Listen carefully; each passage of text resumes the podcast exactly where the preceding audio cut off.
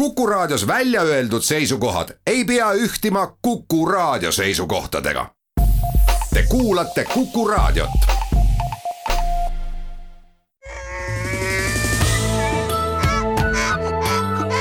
loomult loom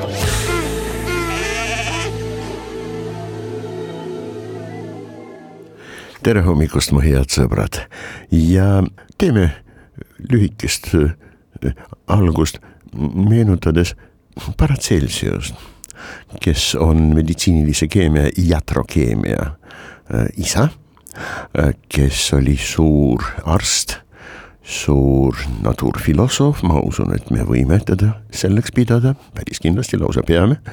ja muidugi alkeemik, selge see, päris keemiat tol ajal vist ei tunnistatud kui omaette teadust. alkeemia oli aga väga suure ja väga tõsise ja äärmiselt väärtusliku kogemusega.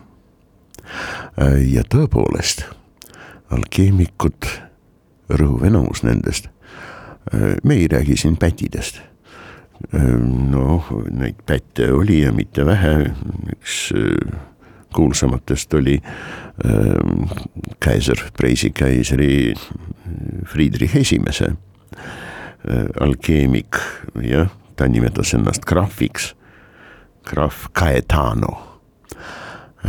Ja temal õnnestus petta kaiser Friedrichil päris korralikud summad selleks, et noh, leida, avastada luua materia prima, see esmane ollus või filosoofide kivi, see heal lapsel mitu nime, et selle abil siis teha malmist näiteks, aga ta väga tähtsa näoga arutles, et seatinast, võib-olla tinast, aga seatinast kindlasti on palju kergem, hõlpsam kulda teha kui äh, Malmist. Äh, igal juhul äh, Friedrich oli väga resoluutne mees. ta veendus sellest, et tegemist on suliga ja käskis ta üles puua. ja graafiga oligi lõpp. aga noh, see oli siis juba kaheksateistkümnendal sajandil, kuid paraku äh, nii-öelda päris ausad alkeemikud ja rõhuv enamus nendest olid just nimelt ausad inimesed, kes tõepoolest püüdsid asjade, maailma asjade, nähtuste, olluste omavahelisi seoseid no nii-öelda alguste alguseni uurida, no kõikide alguste alguseks on loomulikult Jumal, eks ole, selge see. ja kuidas suhtuda siis maailma asjade uurimisse, kas noh, ütleme kaasaegsel moel piirduda sellega, mis on äh, kirikuisadel äh, kirjas ja oletada või väita, et äh, absoluutselt kogu tõde on testamendis piiblis. nii et kõik see muu tarkus nii-öelda on noh, täiesti võimalik, et saatanast, eks ole, et see on hübris, see on ülbus uurida asjade sisemust nii-öelda ja asjade omadusi põhjalikumalt, kui see on käsitöölistele näiteks. Ammu teada vaadake, seoses sellega kohe tulevad meelde kaks suurt, mõlemad väga suured äh, mõtlejad. üks Toomas Aquinatus, üks kiriku isadest, püha Toomas, kes äh, oli kindel, et Jumal ei keela, otse vastupidi. jumal kiidab inimese püüdlust Jumala ülimast tarkusest ja headusest võimalikult põhjalikult aru saada. otsi. aga jälgi, et äh, iga sinu hingetõmme kiidaks Jumalat. no umbes nii, et aitäh, suur Jumal gravitatsiooniseaduse eest ja no gravitatsiooniseaduseni Newtoni oli veel aega küll ja küll, sest Toomas Aquinatus on kolmeteistkümne sajandi suur teoloog, tõesti suur. nii et uurimine, uurimine tegelikult kreekakeelne sõna uurimine on skepsis. skeptikud algupäraselt või algtähenduslikult on need, kes uurivad asju. järelikult nad usuvad, et absoluutselt kõik on võimalik. kuid kindel saab olla ainult nendes asjadest, mida sa oled uurinud ja küllaltki põhjalikult ja loomulikult loogiliselt, mitte vastuoluliselt äh, mõõtnud ja sellest siis aru saanud. teine kes elas no natukene vähem kui sada aastat, see on kaheteistkümnendal sajandil siis.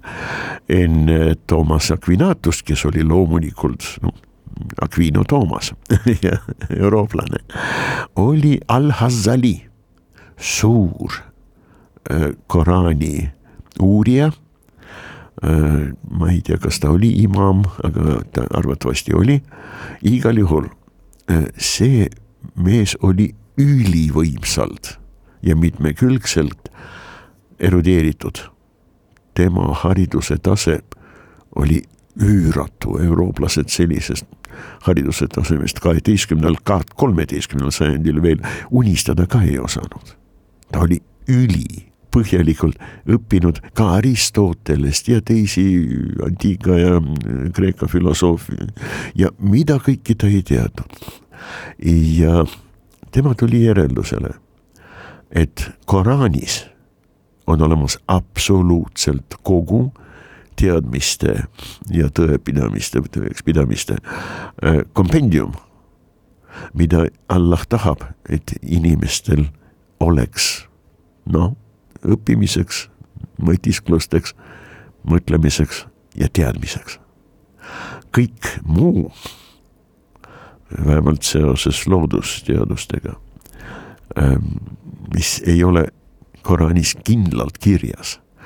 kõik muu on siis iblissi šaitan või siis saatanas, eks ole, no šaitan, saatan, eks ole, üks ja seesama tegelane. nii-öelda poolt. Äh, mõlemad mehed, noh, Hazali varem, aga siis jah, ma ei mäleta täpselt, üle viiekümne aasta võrra hiljem siis Toomas Aquinatus Euroopas ähm, mõlemad mehed olid üli äh, noh, autoriteetsed.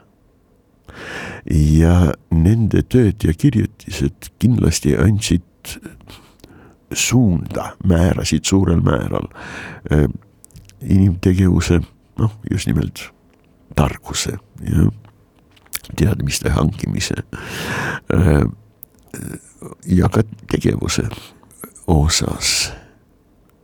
noh, tulemus on ilmne, eks ole ähm,. sealjuures mitte mingil juhul e, ei saa pidada al-Hazalid mingisuguseks e, põikpäiseks, fanaatiliseks, ma ei tea, usuhulluks, päris kindlasti mitte. ta on väga tark ja näiteks äh, islami teoloogias äh, jutt loomulikult ei ole ISISest ega kõikidest nendest äh, ekstremistidest, selge see, päris, vot see nii-öelda süva islami teoloogia on suur ja väga-väga tark, muidugi. Ning loomulikult inimvaheliste suhete, kaubanduse, majanduse, riigi küsimuste osas Al-Hazalil on väga suured teened.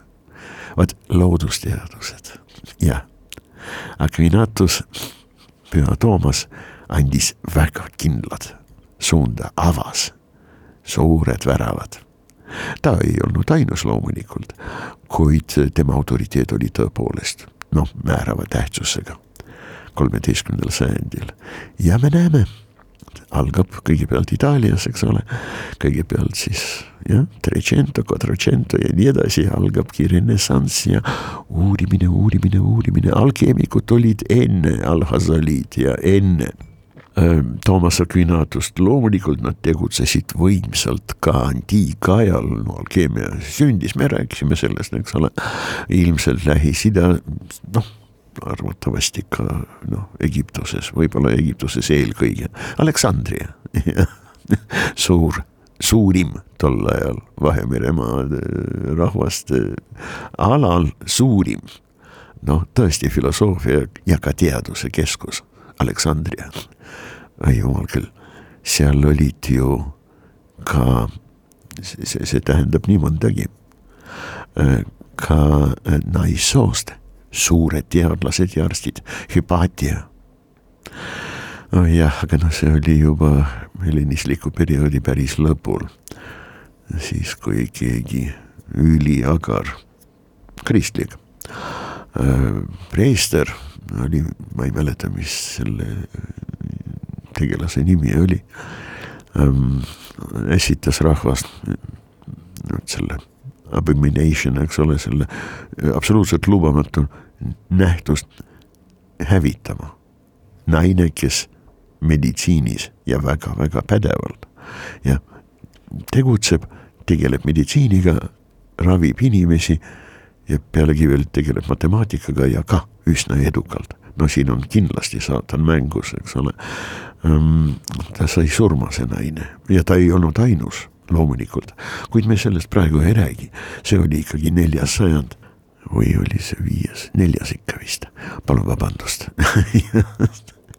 Mul on, no, no tõepoolest, mul on äh, professionaalselt kergelt võib-olla mitte kergelt kritiniseerunud mälu, ma mäletan igat looma, eks ole, aga no teised asjad, no mida tean, seda tean, kuid äh, jah, ma ei hakka spekuleerima kas oli see kolmas või neljas sajand.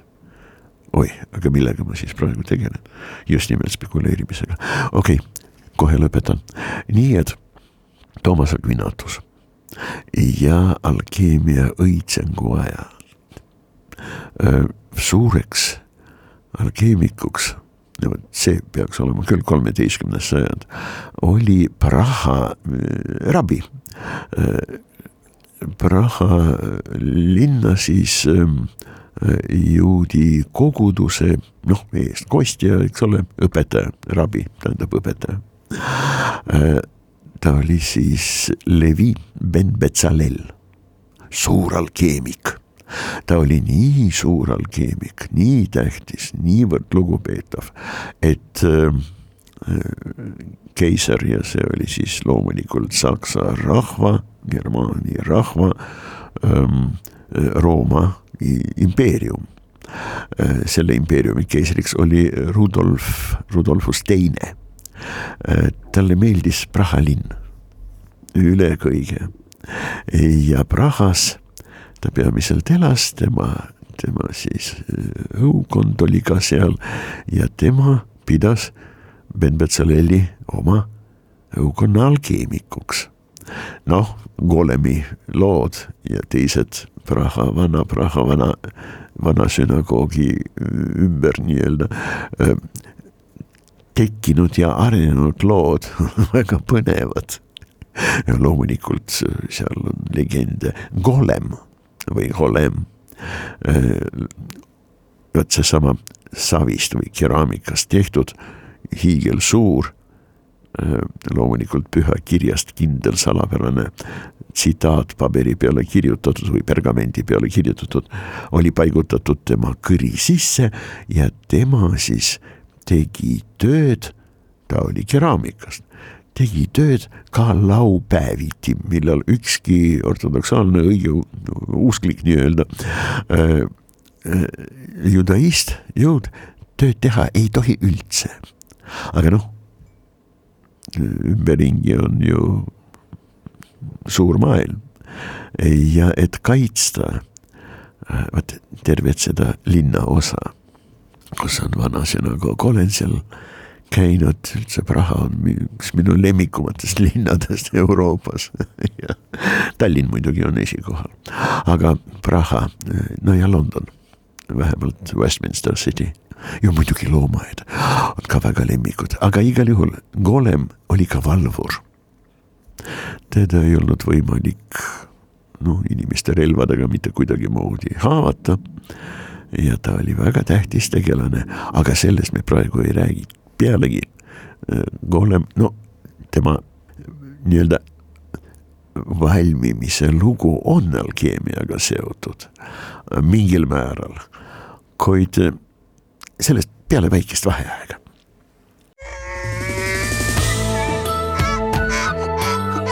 loomult loom.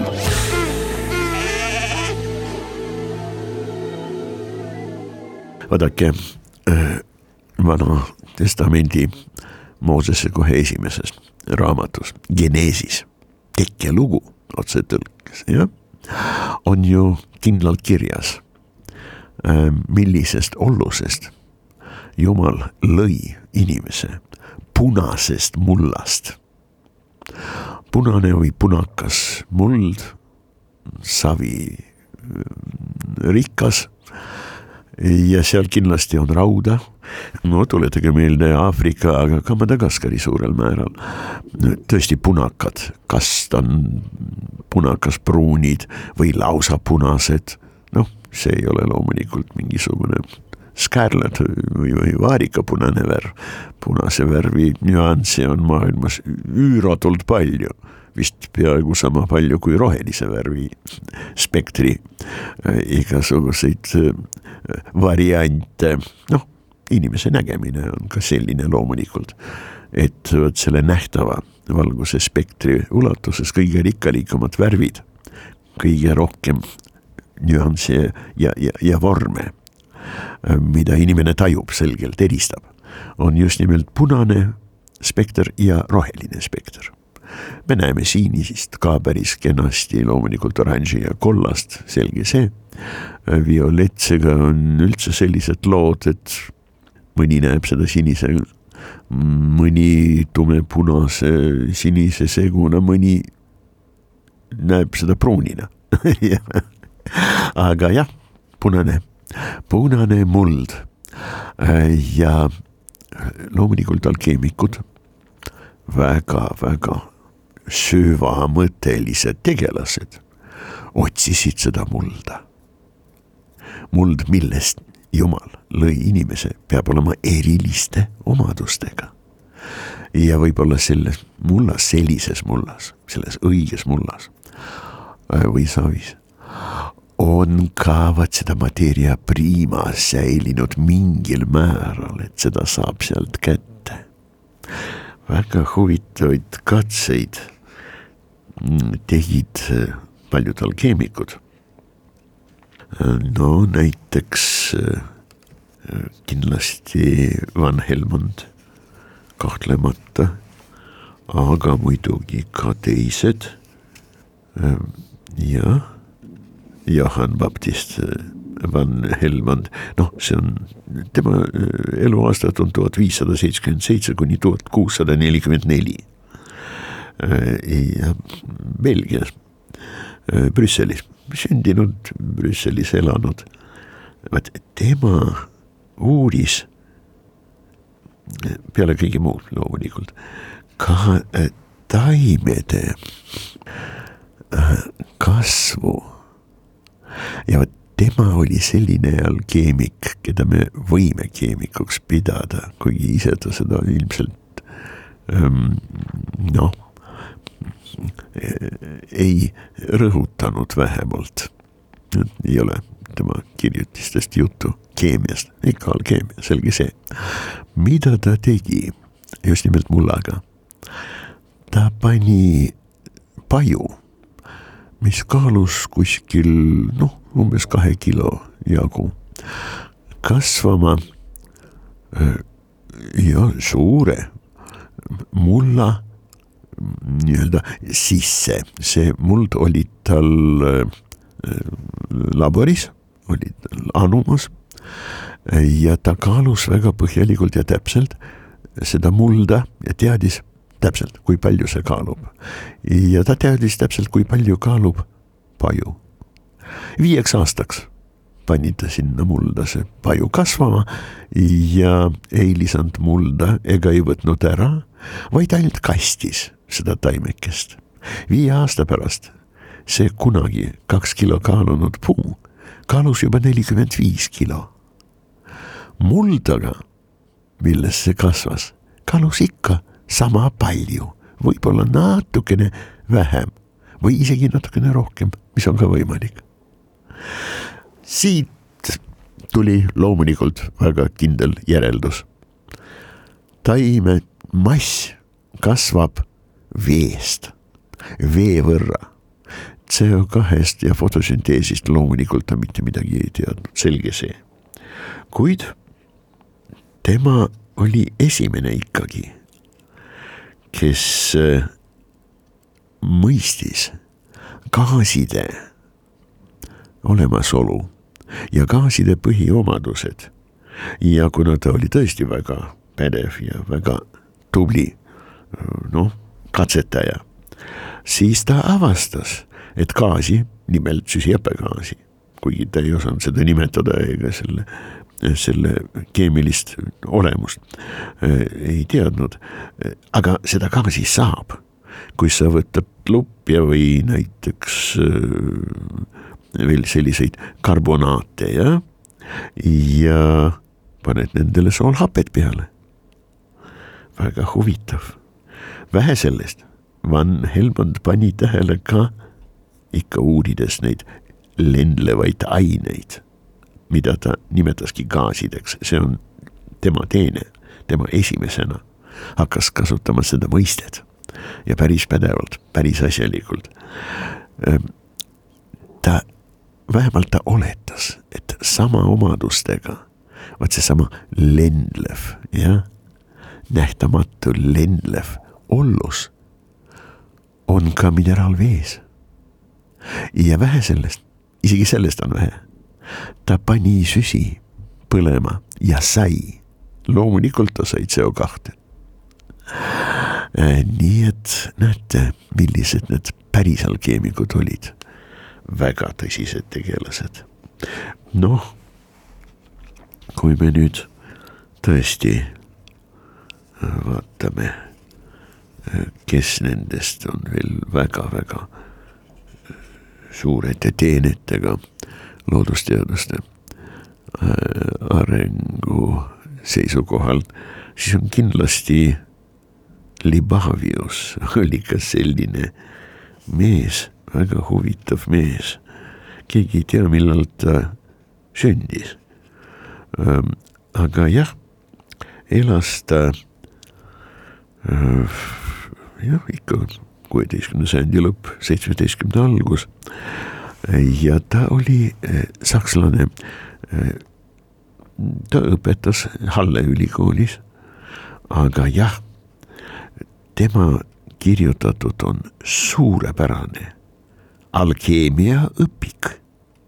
nii et kui te tahate alkeemiaga tutvuda, siis palun Libaviuse raamat just sellesama nimetusega, alkeemia. ja tema kõige suuremat tähelepanu osutas elavhõbedale, Merkuurius, siis sooladele, sall, jah, ja väävlile, sulfur. ta tegi väga huvitavaid katseid tõepoolest äh, sublimaatiga. see on äh, kahevalentse elavhõbeda äh, kloriid, hüdraargirum kloor kaks. Ja antimoon antimooni väga tähtis äh, element, väga tähtis aine alkeemikutel, jah, stiibium. Antimooni sulfiidiga see on siis tiibium kaks S kolm jah. ta sai sellest punast värvi, puhast kinaveri.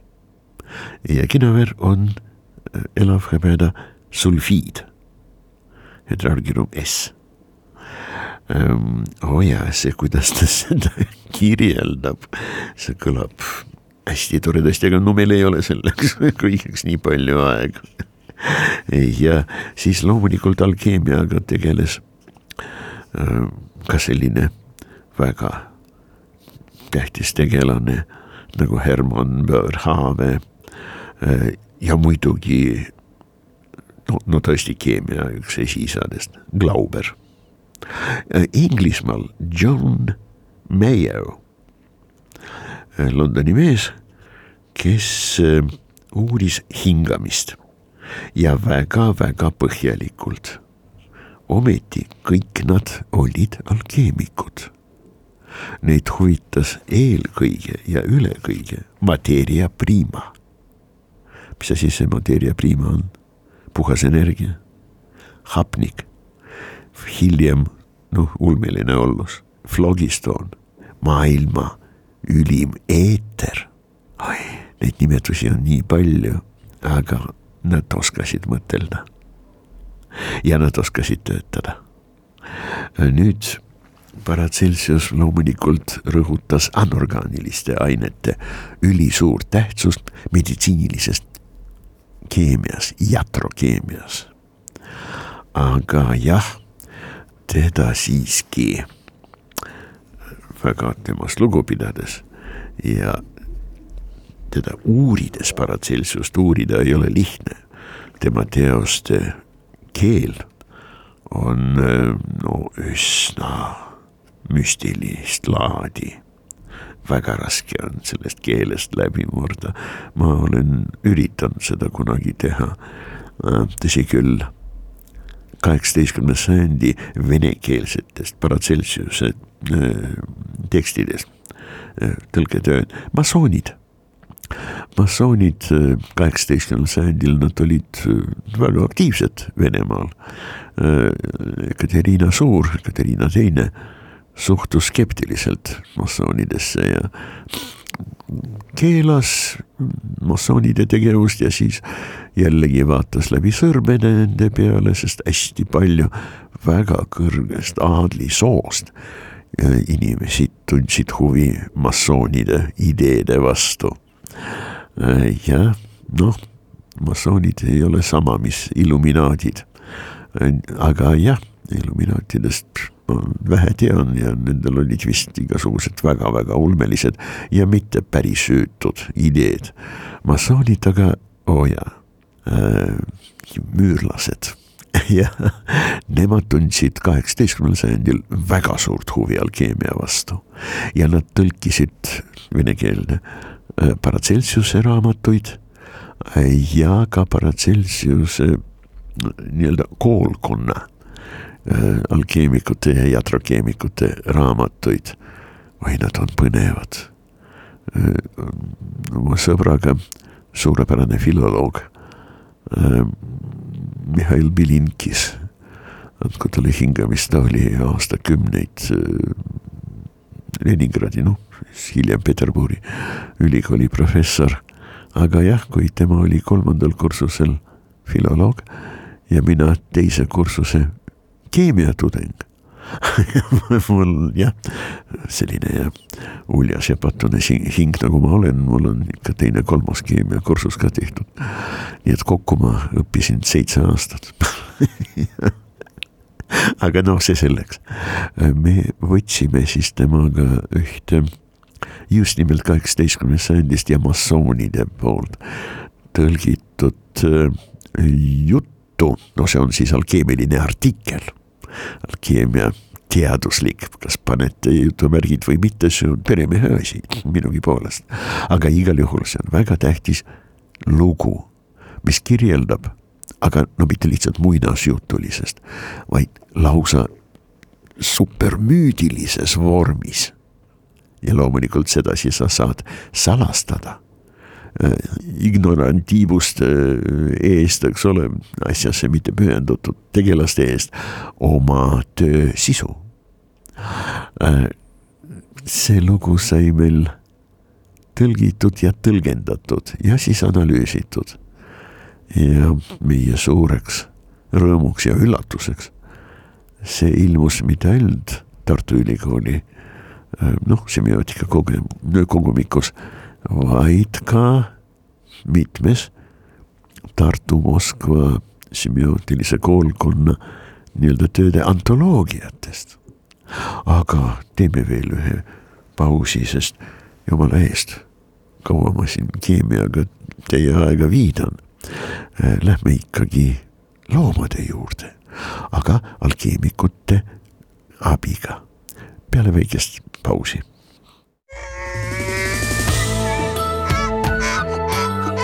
loomult loom.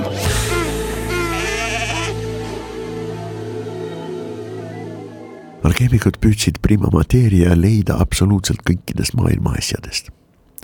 Nad lõikasid need maailma asjad, taimed ja loomad ja loomulikult äh, mineraalid ja, ja, ja, ja kivimid ja absoluutselt kõiki asju. Nad lõikasid lahti, nad äh, analüüsisid nii-öelda põhjalikult, vaatasid, mis koostisosad on sellel või teisel asjal, mis on nende sisemuses ja siis nad loomulikult no üritasid jõuda sisude sisuni materia prima, jah. Quintessents, no see on veel Aristotelese aegne mõiste, eks ole, viies ollos, mis on need neli ollost, õhk, vesi, tuli ja maa. aga vot viies ollos ongi seesama materia prima, mis paneb seda kõiki olema, elama, tegutsema, eksisteerima ja mõjuma maailmas. Äh, nii et eks nad siis loomulikult kõiki asju kõigepealt lahkasid. siis võtsid erinevad enam-vähem homogeensed ühest ja samast noh, ainest või ainevormist koosnevad osad eraldi ja kõiki neid kuumutasid. siis nad loomulikult kõiki asju üritasid lahustada vees teistest vedelikest ja loomulikult hapetes, alkoholis. siis nad üritasid puhastada, sublimeerida ähm, aineid ja asju. ja lõpuks nad üritasid sünteesida algainetest keerulisemad, kõrgemad oma olemuse, oma struktuuri ja oma võimete poolest, kõrgemad mingisugused ollused või siis esemed ja asjad. Luua Atanaaris. peamine tööriist, loomulikult retordid, oi, nendel oli palju huvitavaid instrumente ja vahendeid, väga palju, aga Atanaar, see on selline hermeetiliselt noh, vähemalt hermeetiliselt selles äh, mõttes, et mitte midagi väljastpoolt sisse ei saanud. seest väljapoole võib-olla midagi sai. noh, sõltuvalt sellest, mis katse parajasti oli käsil. kuid sünteesikatsete puhul Adanar oli tõesti hermeetiliselt kinni, mitte midagi ei läinud sisse, mitte midagi ei tulnud välja. ja seda siis kuumutati, seda Adanari, seda anumat, mille sisse olid pandud koostisosad. küll siis orgaanilised, aga siis ka orgaanilised, need katseid nad tegid no ilmselt sadu tuhandeid, erinevaid. ja pole mingi ime, et kui sul on tõepoolest mingisugused ained, mis kuumutamisel lagunevad, eritades gaasi, orgaaniline ollus ja see anum on tõesti hermeetiliselt kinni ja sa seda kuumutad. no mõnes katses kuumutati aastaid. Atanaaris mingisugused asjad, lootes, et vot kui saab kuumutatud, ma ei tea, seitsme või, või, või viie või, või üheksa aasta vältel pidevalt, mis oli väga tähtis. väga tähtis oli, et see kuumus oli, oleks olnud absoluutselt ühtlane. et siis seal tuleb välja lõpuks homunculus, tehis mehikene. Jah, ikka seesama või selle sarnane. noh, mis on mainitud Vanas Testamendi Geneesise raamatust, punane muld. Ja siis loomulikult kõiksugu loomadest saadud igasugused no, lisandid pluss algelemendid merkuurius, sulfur, siis loomulikult soolad, ähm, võib-olla tõesti kuld ja, ja võib-olla ka hõbe. nii-öelda no barokkajastu alkeemikud, nad ei üritanud enam, need ausad mehed, luua äh, vot nendest noh, beis, jah, jämedatest, robustsetest metallidest kulda Nendel oli hoopis teine eesmärk kulla suhtes. Nad tahtsid luua joodavat, voolavat ja joodavat kulda kullast. aga mitte ainult kullast, sest vot see aurum potabile, voolav või joodav kuld, pidi nende meelest olema absoluutselt kõikidest maailma asjadest, vähemalt looduslikest objektidest nii et nad hoopis kasutasid metallset kulda oma katsetest.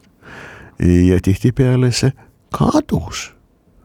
kui sa ikka väga mitmekülgselt ja mitmekesiselt üritad noh, panna kuld reageerima igasuguste ainetega, küll ta siis lõpuks reageerib.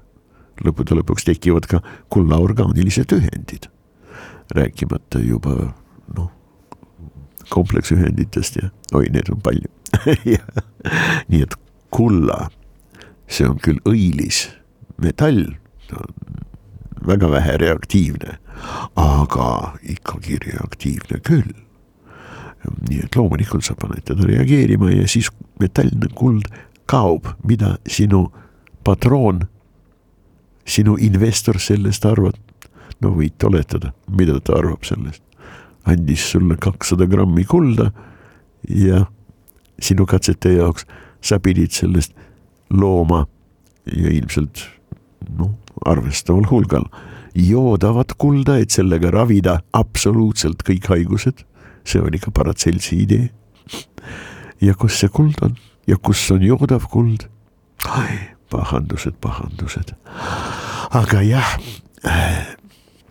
paraku tihtipeale, kui orgaaniline ollus, pluss veel anorgaanilised asjad, eks ole, ehm, noh, metalline, kollane, selline jah väävel ja loomulikult eh, nad katsetasid ka vasega, väga tähtis, hullus, väga tähtis. raud oli ka nende jaoks tähtis, kuid raua tähtsust Äh, alkeemikud eriti ei tahtnud tunnistada võrreldes näiteks vasega, sest äh, raud barokajastul oli tööstuse noh, nii-öelda aluste alus, teras. ja tööstus, äh, käsitöölised, tol ajal juba noh, midagi vabrikute taolist, eks ole, metallurgid, nad olid käsitöölised, mitte filosoofid. ja äh, Glauber oli tõesti esimene, kes äh, noh, võttis kogu noh, metallurgia ja kogu praktiline, vot ainete äh, käsitlus võttis kaasa teadusse. no tõesti esimene keemik nii et kui kõik need asjad, orgaanilised ja anorgaanilised, on hermeetiliselt suletud ja sõna hermeetika, hermeetilisus on loomulikult pärit alkeemiast. Hermes Trismegistos, kolmekordselt suur, nii et surnute riigis, jumala ja inglite riigis ja ka loomulikult inimeste maailmas kõiges kolmes maailmas suurim tegelane, see on Merkuurius, Hermes. ja vot tema nimest on see mõiste hermeetika. nii et alkeemikud tihtipeale nimetati ja nad nimetasid ennast ka hermeetikuteks. vaat seesama Tanar, loomulikult nad alatasa plahvatasid. ja seda oli keskajal, hilisel keskajal, barokajastul, seda oli tõesti laialt teada. alkeemiaga tegeleda tuli hingeliselt, pühendunult, on äärmiselt eluohtlik. ja mitte ainult alkeemiku jaoks, vaid terve linnaosa jaoks, tulekahju Neid oli palju. aga alkeemikud töötasid edasi. Jah, aitab nüüd alkeemiast tõesti, kuigi tahaks muidugi jätkata. vaatame, kuidas nad elusatesse loomadesse suhtusid alkeemiku jaoks iga elus olend, iga loom on vot sellesama mateeria prima kandja. vaesed loomad, nendest üritati seda mateeria primat kätte saada laboratoorsete meetoditega. Äh, Johann Wolfgang von Goethe, äh, Mephisto äh, suu kaudu Faustuse oma jah, surematust epohaalses teoses, tea kuidas seda nimetada. poeetiline romaan, romaan see on tegelikult, see tõesti on romaan ja milline veel. aga muidugi seal on ka proosat paiguti, kuid enamasti, enamasti see on ikkagi tõesti poeetiline teos. vot Mephisto ja ütleb seal just nimelt alkeemikute ja loodusuurijate kohta. noh, see on doktor Faustus, see on viieteistkümnes sajand jah. et mida nad siis teevad, et elu ja esmase elu nii-öelda olluseni ja ka mõtteni jõuda. Nad võtavad elusat asja ja kõigepealt ajavad elu sellest asjast välja. siis lahkavad nad seda äsja veel hiljuti elus olnud olendid, kes ei ole enam olend, vaid lihtsalt üks asi. Äh, ja uurivad selle olendi osad, millest see tehtud on. Ja väga põhjalikult. No Goethe, see tähendab, ta oli loomulikult kursis juba, siis eksisteeris juba zooloogia, botaanika, see on ikkagi kaheksateistkümnenda sajandi teine pool üheksateistkümnenda algus. Ja loomulikult geoloogia ja Goethel õnnestus nii botaanikas kui ka anatoomias. Ja geoloogias ning mineraloogias. Teha päris palju korralikku teadust. aga jah, paraku elu olemus. Nii et kõigepealt, mida teevad need uurijad, kui nad tahavad elu uurida, kõigepealt võtavad elusat asja ja ajavad elu sellest välja, siis lahkavad osadeks ja näevad, vaatavad ja võrdlevad need osad omavahel ja saavad teada päris palju, kuid nende osade vaheline elus side on kadunud. ära lennanud ärme sedasi tee. kuigi jah äh,, muidugi sellised teadlased nagu Marcello Malpighi, noh, see on siis minu lemmik, kuueteistkümnenda sajandi lõpp ja seitsmeteistkümnes sajand. noh, loomulikult minu lemmik on kaheksateistkümnes, teaduse arengu osas. võib-olla, kui te ei ole vastu, mu sõbrad, me jätkame siiski nende huvitavate rännakutega päristeaduse arengu algaastatesse. räägime Reedi, Malpigi, loomulikult ka Borrelli, Bellini ja teiste väga suurte teadlaste töödest. on ju mõnus, aga praegu olge terved ja rõõmsad. Ja noh, kohtume nädala pärast. Ma usun, et ikkagi, ikkagi natukene veel, natukene veel vaatame sinna, mida arvasid kõik need päristeaduse nii-öelda loodusteaduse esiisad. no näiteks loomsest elust, muidugi taimsest elust ka. botaanika areng on olnud äärmiselt tähtis, zooloogia oli seitsmeteistkümnendal sajandil ja botaanika, no mitte just varju jäämas aga natukene, natukene tahapool, kuid sellest nädala pärast. olge terved ja rõõmsad, nägemiseni. loomult loom